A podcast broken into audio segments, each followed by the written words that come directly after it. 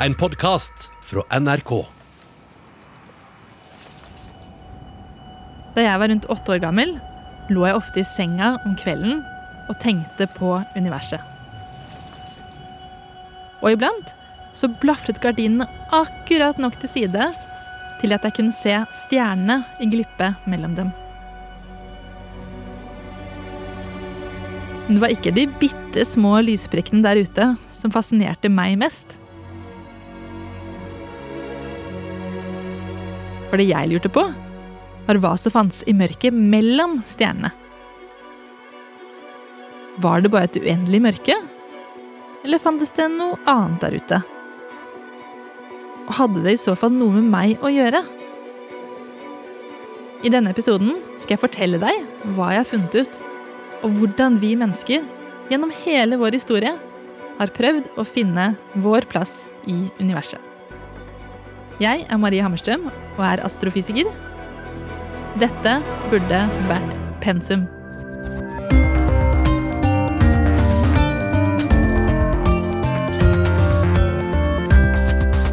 Six, five, four, three, two, one. MDS, we have ignition. We have a liftoff. Året er 1977. Very smooth flight, very, very small attitude disturbances. Romsonden, Voyager 1, skytes opp fra Florida. Det skal bli det aller første romfartøyet som reiser ut til Jupiter og Saturn. Men det Voyager 1 er mest kjent for, skjedde senere på ferden ute i det stupmørke verdensrommet.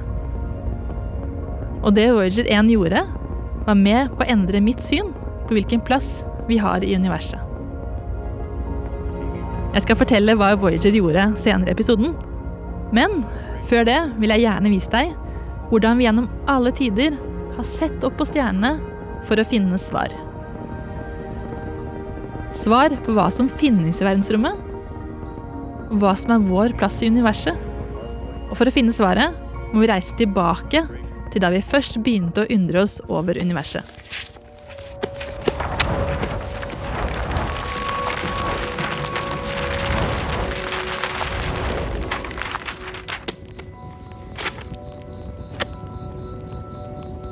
Nå har du og jeg reist rundt 10 000 år tilbake i tid. Til den gangen vi levde som jegere og sankere. For alt vi vet, er jorda flat. Fløy sånn det virker når vi bare står her og ser rundt oss. Og over oss har vi stjernene. Vi bruker stjernene til å finne veien, og de forteller oss også hvilken tid på året det er, slik at vi vet hva slags mat vi kan finne. Ellers forstår vi ikke noe særlig av det som foregår der oppe på himmelen. Og i mangel på bøker og Netflix kan vi se for oss bilder i stjernene som vi lager historier om når vi sitter rundt bålet om kvelden.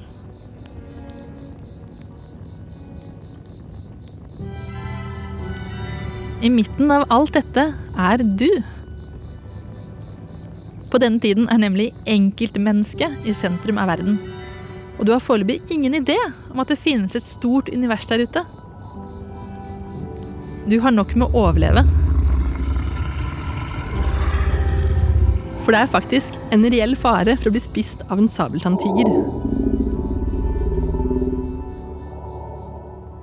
La oss heller reise til behagelige Hellas. For der kan vi gå kledd i hvite, flagrende skjortler blant søylene og filosofere. Vi er nå i antikken, som startet for rundt 3000 år siden. Dette er med andre ord veldig lenge siden. Vi bor ikke lenger i den ville naturen, men har i stedet flyttet til landsbygder og små byer. I stedet for å jakte og leve som nomader, eier vi gårder eller driver butikker, er snekkere eller pottemakere. Dette er første gang vi virkelig prøver å forstå det vi ser på himmelen. Iallfall de som er i samfunnseliten, for de har penger. Noe som gir dem tid til å gå rundt og fundere over universet. Sånn som filosofen Aristoteles. Og Aristoteles, han er en fyr som folk hører på. Og hans tanker om hvordan universet er skrudd sammen utenfor jorda, preget vårt verdensbilde lenge. Det er nå, i antikken, at vi finner ut at jord er en kule, at den ikke er flat. Og vi ser for oss at jorda svever i rommet, ikke at den eksempel flyter rundt på et enormt hav, sånn som mange trodde en stund. Og jorda er i sentrum av et større univers, med planeter og stjerner som beveger seg i store sirkler rundt oss. På denne tiden tror Aristoteles, og derfor vi også, at stjernene sitter fast på en slags enorm krystallkule som jorda er i sentrum av. At universet stopper omtrent der. Dette verdensbildet, med jorda i midten, det liker kirken godt, for det passer så fint med kirkens tro om at Gud har skapt jorda som verdens midtpunkt. Så kirken bestemmer seg for at dette skal være det kristne verdensbildet.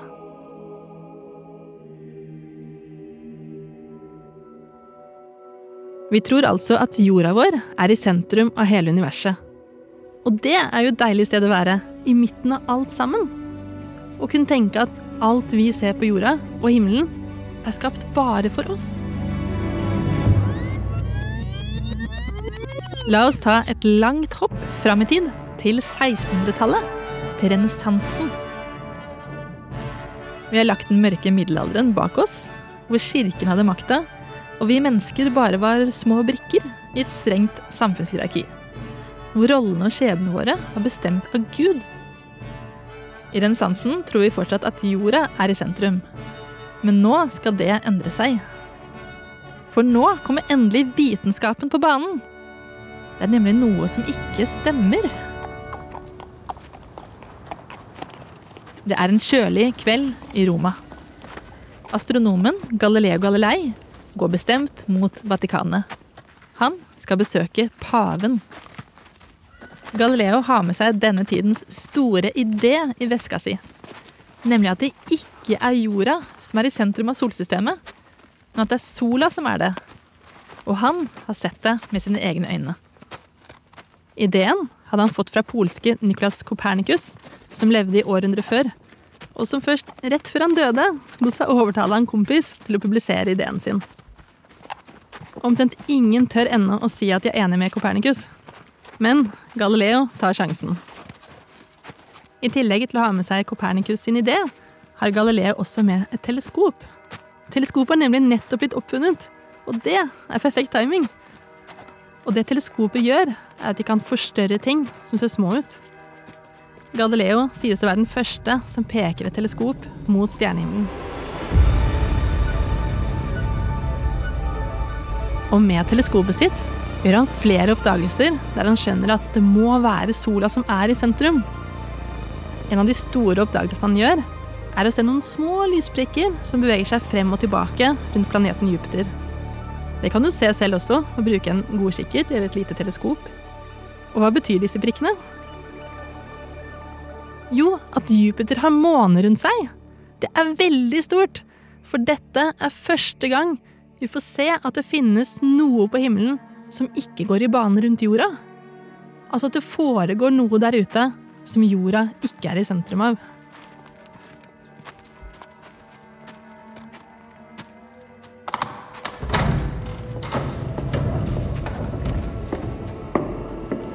Galileo må være spent. Dere venter på å prate med paven. Kanskje er han svett i hendene? Kanskje er han tørr i halsen? For hva vil skje med han? Vil paven høre på det han har å si? Paven syns ideen om at sola er i sentrum, er absurd.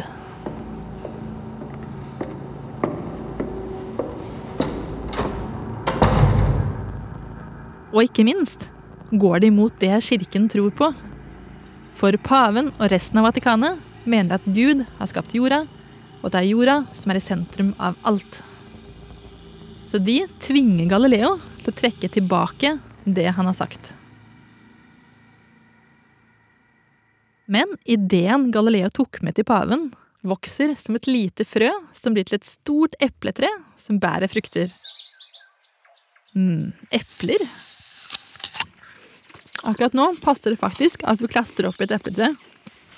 Vi kan sitte på hver vår grein og titte ned på han som sitter lent inntil sammen og dagdrømmer. La oss slippe et eple ned i hodet på han. Oi! Han som vi nettopp slapp et eple i hodet på nå, er den engelske vitenskapsmannen Isaac Newton. Kan hende han fikk litt vondt, men han fikk også en veldig god idé akkurat nå. Det Newton plutselig skjønner, der han sitter under epletreet, er at det er gravitasjonskraften som styrer hvordan alt beveger seg. Enten det er eplet som faller ned mot jorda, eller planetene som går i bane rundt sola. Og det virkelig store han gjør videre, er å finne ut hvordan han kan bruke matematikk til å beskrive nøyaktig hvordan ting trekkes mot hverandre. Så nå har vi altså funnet ut at jorda og vi ikke er i sentrum av solsystemet. Det er sola som er i sentrum. Men hva skal vi tenke om oss selv og vår plass i universet nå?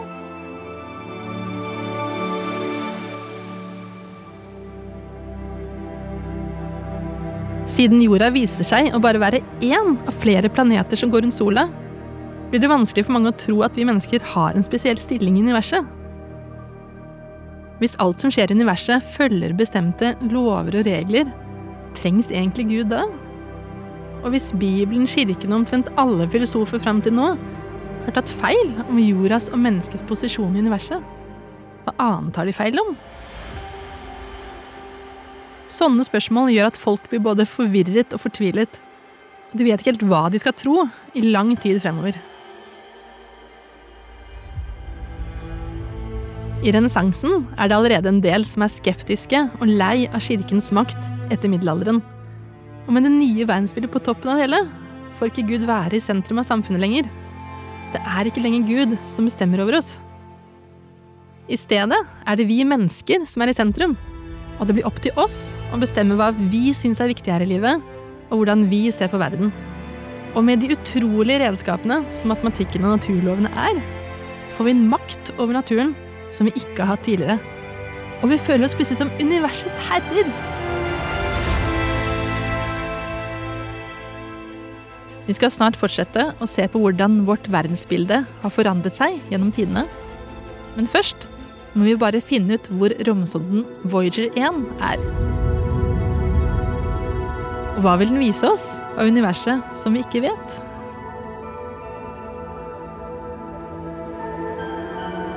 To år etter oppskytingen passerte den Jupiter. Og rundt 350 år etter at Galileo tittet på fire av Jupiters måner gjennom teleskopet sitt, får vi se dem på nært hold gjennom bildene Voyager sender oss. Voyager oppdager noen nye måneder rundt Jupiter før den reiser videre til Saturn.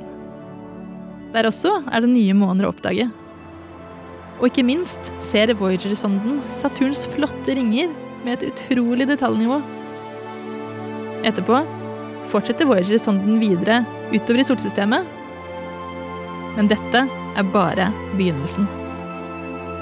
La oss fortsette reisen gjennom historien.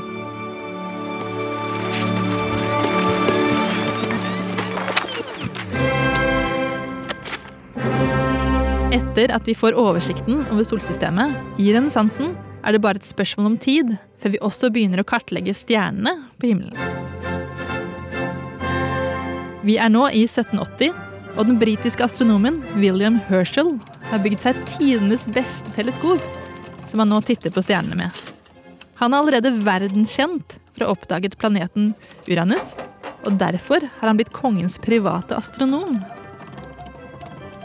Sammen med søsteren sin, Caroline, skal han kartlegge stjernene. Det de to søsknene ser, er at lysprikkene på natthimmelen bare er et lite utvalg av en enorm samling av stjerner. Som det så ofte er når vi snakker om verdensrommet, er det snakk om milliarder. Milliarder av stjerner! Det er håpløst mange. Denne store samlingen av stjerner kaller vi en galakse. Etter at Herschel-søsknene har kartlagt galaksen vår, er så godt som alle enige om at vi befinner oss i sentrum av Melkeveien, og at Melkeveien er hele universet. Åh, så deilig det er å endelig ha oversikten. Og så kan vi jo føle oss litt i sentrum allikevel. For jeg tror at vi er litt sånn at vi helst vil være i sentrum, og at universet skal være lagd for oss.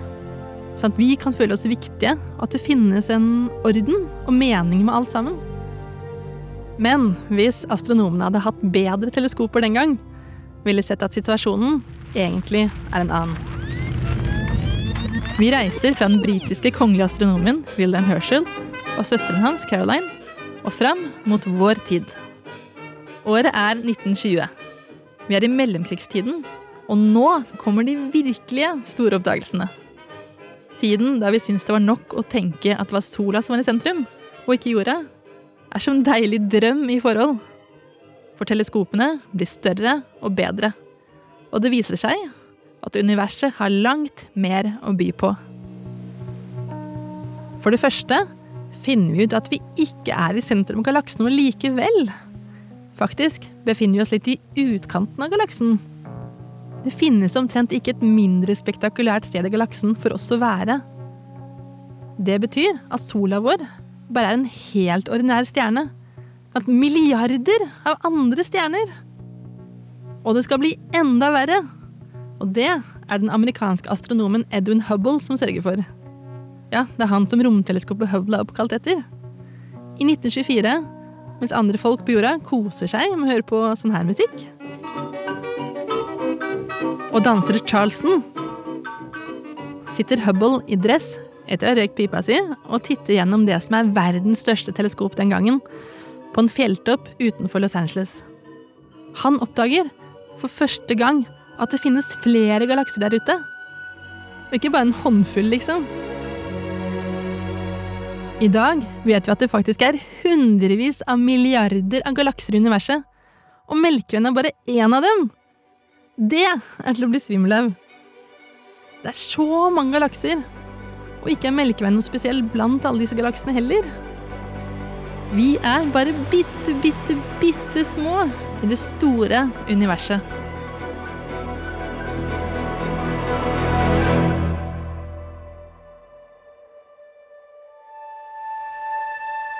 Oppdagelsen om at det finnes flere galakser der ute, som Hubble gjorde, var viktig. Kjempeviktig. Men underlig nok får ikke de nye oppdagelsene så stor oppmerksomhet blant vanlige folk. Det kan være fordi folk hadde nok å tenke på. Ikke lenge før Hubble gjorde sine funn, ble det gjort store oppdagelser som evolusjonen, relativitetsteorien og kvantefysikken. Så resultatet av alle disse nye oppdagelsene ble kanskje at samtidig som vi blir mindre i universet, blir tankene, ideene og kunnskapene våre mye større i denne perioden. At vi føler oss mektigere, på en måte. Fordi vi skjønner så mye mer av verden rundt oss. Og derfor går ikke vår usentrale plass i universet noe særlig utover selvbildet vårt. Det at vi er så små som vi er i et stort univers, får nok mange av oss til å føle at universet er noe veldig fjernt fra oss, og at det ikke angår oss. Men heldigvis skal vi se på enda en oppdagelse, og den kan gjøre at universet faktisk blir litt hyggelig igjen.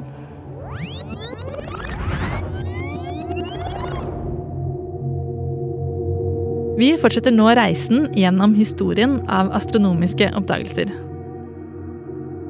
I 1927 sitter altså den belgiske presten Georges Lemaitre med prestekrage, trillrunde briller og sleik, og pusler sammen relativitetsteorien som tyske fysikeren Albert Einstein bidro med noen år tidligere, med Hubbles observasjoner.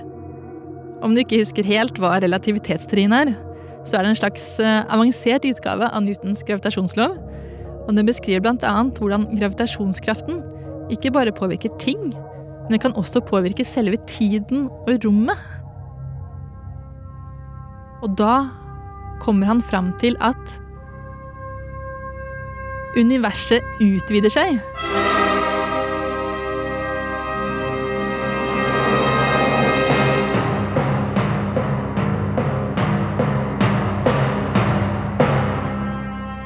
Det høres jo kanskje ikke så viktig ut at universet utvider seg. Universet er jo allerede enormt, kanskje uendelig stort faktisk. Så har det så mye å si om det blir enda større.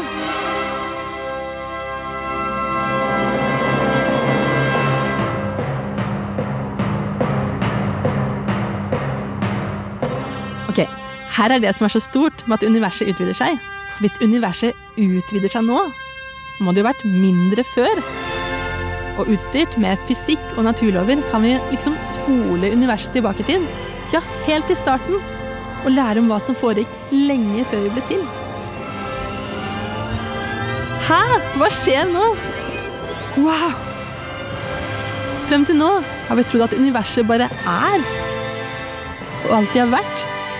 Plutselig viste det seg at universet også, akkurat som oss, har blitt født en gang.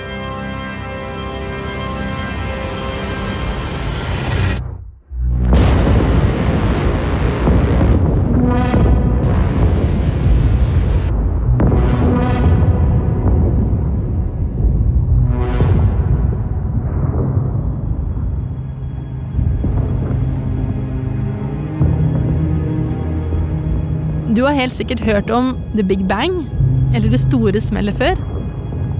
Det er altså det vi kaller universets fødselsøyeblikk. Så når vi snakker om hvor gammelt universet er, snakker vi egentlig om hvor lenge siden det er siden det store smellet skjedde. Og vi har funnet ut at det er nesten 14 milliarder år siden. Ja, igjen milliarder. Vi vet egentlig ingenting om det store smellet. Vi vet ikke hva som fantes før det, eller hva som satte det i gang. Og det kan hende at vi aldri finner ut av det.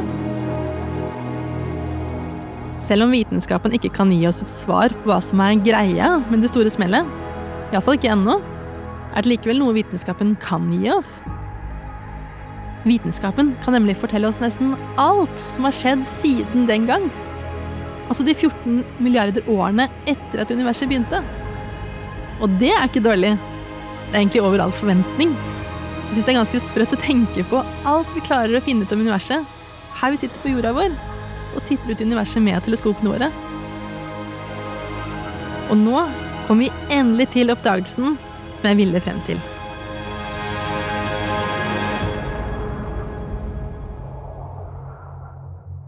I begynnelsen, rett etter det store smellet, fantes det så godt som ingenting i universet. Det er ikke sånn at det smalt, og så ploppet det fram ferdige galakser stappfulle av stjerner og planeter. Rett etter det store smellet fantes det bare en masse bitte små partikler som suste rundt for seg selv. Det er vanskelig å begripe. Bare tenk på alt du har rundt deg akkurat nå. Gjennom milliarder av år har disse første partiklene gått fra å suse rundt alene til å klumpe seg sammen og danne ting som planeter, mennesker og datamaskiner, skolisser og brødristere. Men før vi mennesker kunne bli til, og alle tingene våre, måtte det skje noe annet først. For rett etter det store smellet fantes det nesten bare to stoffer i universet. Hydrogen og helium. Du vet helium som du kan fylle ballonger med, eller puste inn om du vil høres ut som en smurf. Men du og jeg, også godt som alle andre levende vesener på jorda, er i tillegg lagd av stoffer som karbon og oksygen. Vi hadde ikke blitt til uten dem. Og hvor kommer disse stoffene fra? Hvem er det vi skal takke? Jo, stjernene som du ser på himmelen om kvelden.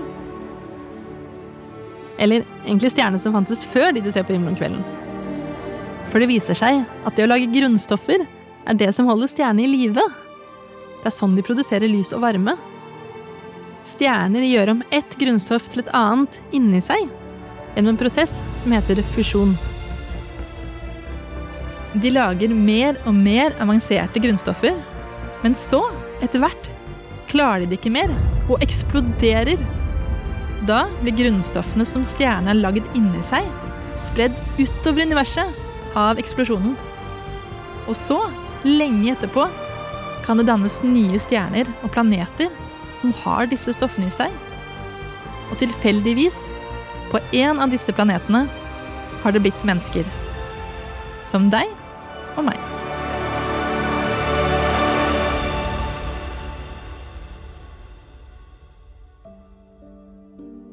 For alle atomene som du og jeg er lagd av, er eldgamle atomer som bare finnes her fordi en stjerne en gang i tiden eksploderte. Stjerner har måttet dø for at vi skal kunne leve. Så ikke bare befinner vi oss i universet. Universet befinner seg også i oss. Langt der ute i universet har vi altså funnet skapelseshistorien vår. I hvert fall begynnelsen på den. Hvordan livet har utviklet seg her på jorda, er en annen historie. Men det vi ser, er at universet ikke er skapt med oss i tankene. Stjernene har ikke lagd grunnstoffet fordi de hadde så fryktelig lyst til at det skulle bli mennesker i universet. Jordkloden er heller ikke skapt for oss. Mesteparten av jordas historie har vi ikke bodd her engang. Det har i stedet vært planeten til en masse andre skapninger. Vi er her fordi stjerner og tilfeldigheter har gjort det mulig. Så fra å tro at vi er viktige og er midt i sentrum av universet, har det vist seg at vi altså ikke er den viktige, at vi er helt tilfeldige. Og kanskje er det trist? Det spørs hvordan du ser på det. Jeg syns dette gjør det enda mer fantastisk å tenke på at vi er her i det hele tatt. At det finnes liv i universet. Og at det finnes en så fantastisk planet som det jorda er. For dette stedet er noe helt spesielt. Og det som er litt av et sammentreff med oppdagelsen om at universet utvider seg, er at det endelig gir oss svar på hva som er i sentrum av universet. Universet har ikke noe sentrum. Det går rett og slett ikke an å være i sentrum av universet. I alle fall ikke sånn vi forstår universet i dag. Det finnes ikke noe punkt som alt annet i universet utvider seg vekk fra. Og ikke noe punkt som alt annet beveger seg rundt.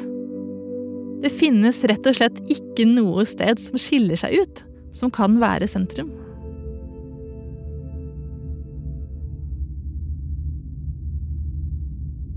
Jeg tror kanskje at vi, gjennom alle årene med oppdagelser, sakte, men sikkert har slått oss til ro med at det er sånn universet er, og at vi ikke lenger har det samme behovet for å være i sentrum av universet. Kanskje er det egentlig litt befriende at vi ikke er i sentrum alt sammen, og at universet ikke er lagd for oss. At vi er frie til å leve livene våre sånn som vi vil, og finne vår egen mening. Og om du syns dette får det til å høres ut som vi bare kan gjøre som vi vil, og ikke trenger å tenke på andre eller annet enn oss selv, er det ikke det vi skal lære av oppdagelsene våre om universet? Iallfall ikke sånn jeg ser det. For å se hva vi skal lære, må vi ta en siste tur ut i verdensrommet og se hvordan det går med Voyager 1. Nå har Voyager 1 forlatt solsystemet vårt, og romsonden befinner seg i rommet mellom stjernene Signalet begynner å bli så svakt at vi nesten ikke klarer å høre Voyager 1 lenger. Men før romsonden forlot solsystemet for godt, så gjorde den noe som endret det jeg tenkte om livet mitt her på jorda.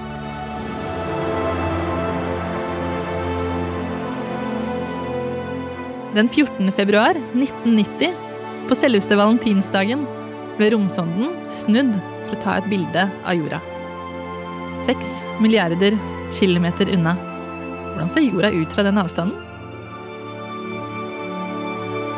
Som om du har fått et lite rusk på kameralinsen. For første gang kunne vi faktisk se med våre egne øyne at jorda virkelig bare er en liten prikk i et uendelig hav av mørke.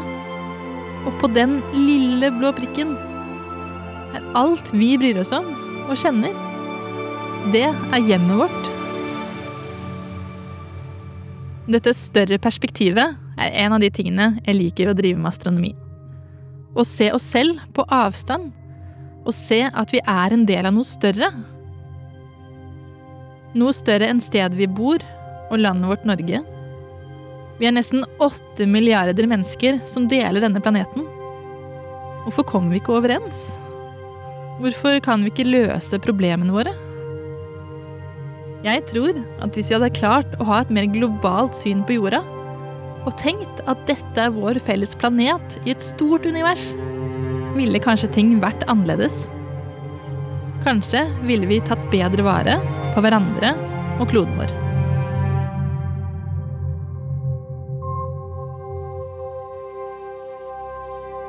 Vi nærmer oss slutten, så la meg oppsummere litt. For nå har vi vært på en utrolig lang reise som kan oppsummeres i tre punkter. Nemlig 1. At vi er bitte, bitte små i et ufattelig stort univers. Og vi er ikke sentrum av noe som helst. Men det er egentlig ikke så ille som vi, eller jeg, først trodde at det var. For det betyr at vi kan finne vår egen mening med alt sammen. To, at vi er alle laget av stjernestøv. Himmellegemen der ute, og vi her nede, er satt sammen av de samme stoffene. Og vi deler den samme historien som startet med det store smellet for nesten 14 milliarder år siden. Disse oppdagelsene har gitt oss en kobling til universet. Og de har gjort at jeg har gått fra å føle at universet er noe skremmende fjernt, stort og fremmed, til å føle at vi nesten er en eneste stor familie. Alt liv på jorda, og alle planetene, stjernene og galaksene. Og til slutt tre. Ved å vende blikket hjemover igjen og se oss selv oppi alt dette, kan vi forhåpentligvis også finne en kobling til hverandre. Jeg er sikker på at livet på jorda vil bli bedre hvis vi innser at alle vi som bor her, er et fellesskap. At jorda er som romskipet vårt, rett og slett, og at vi er mannskapet. Og at vi må gjøre alt vi kan for å sikre vår videre ferd gjennom det uendelige mørket.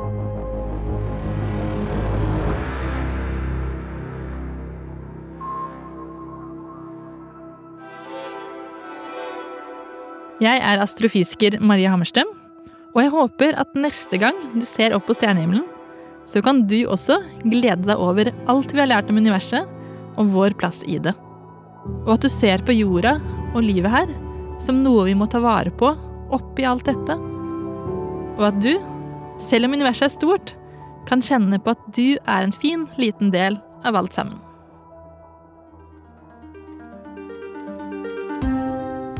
Har du lyst til å høre andre ting som burde vært pensum? Burde vært pensum hører du i appen NRK Radio. Burde vært pensum er laget av Lyder Produksjoner for NRK.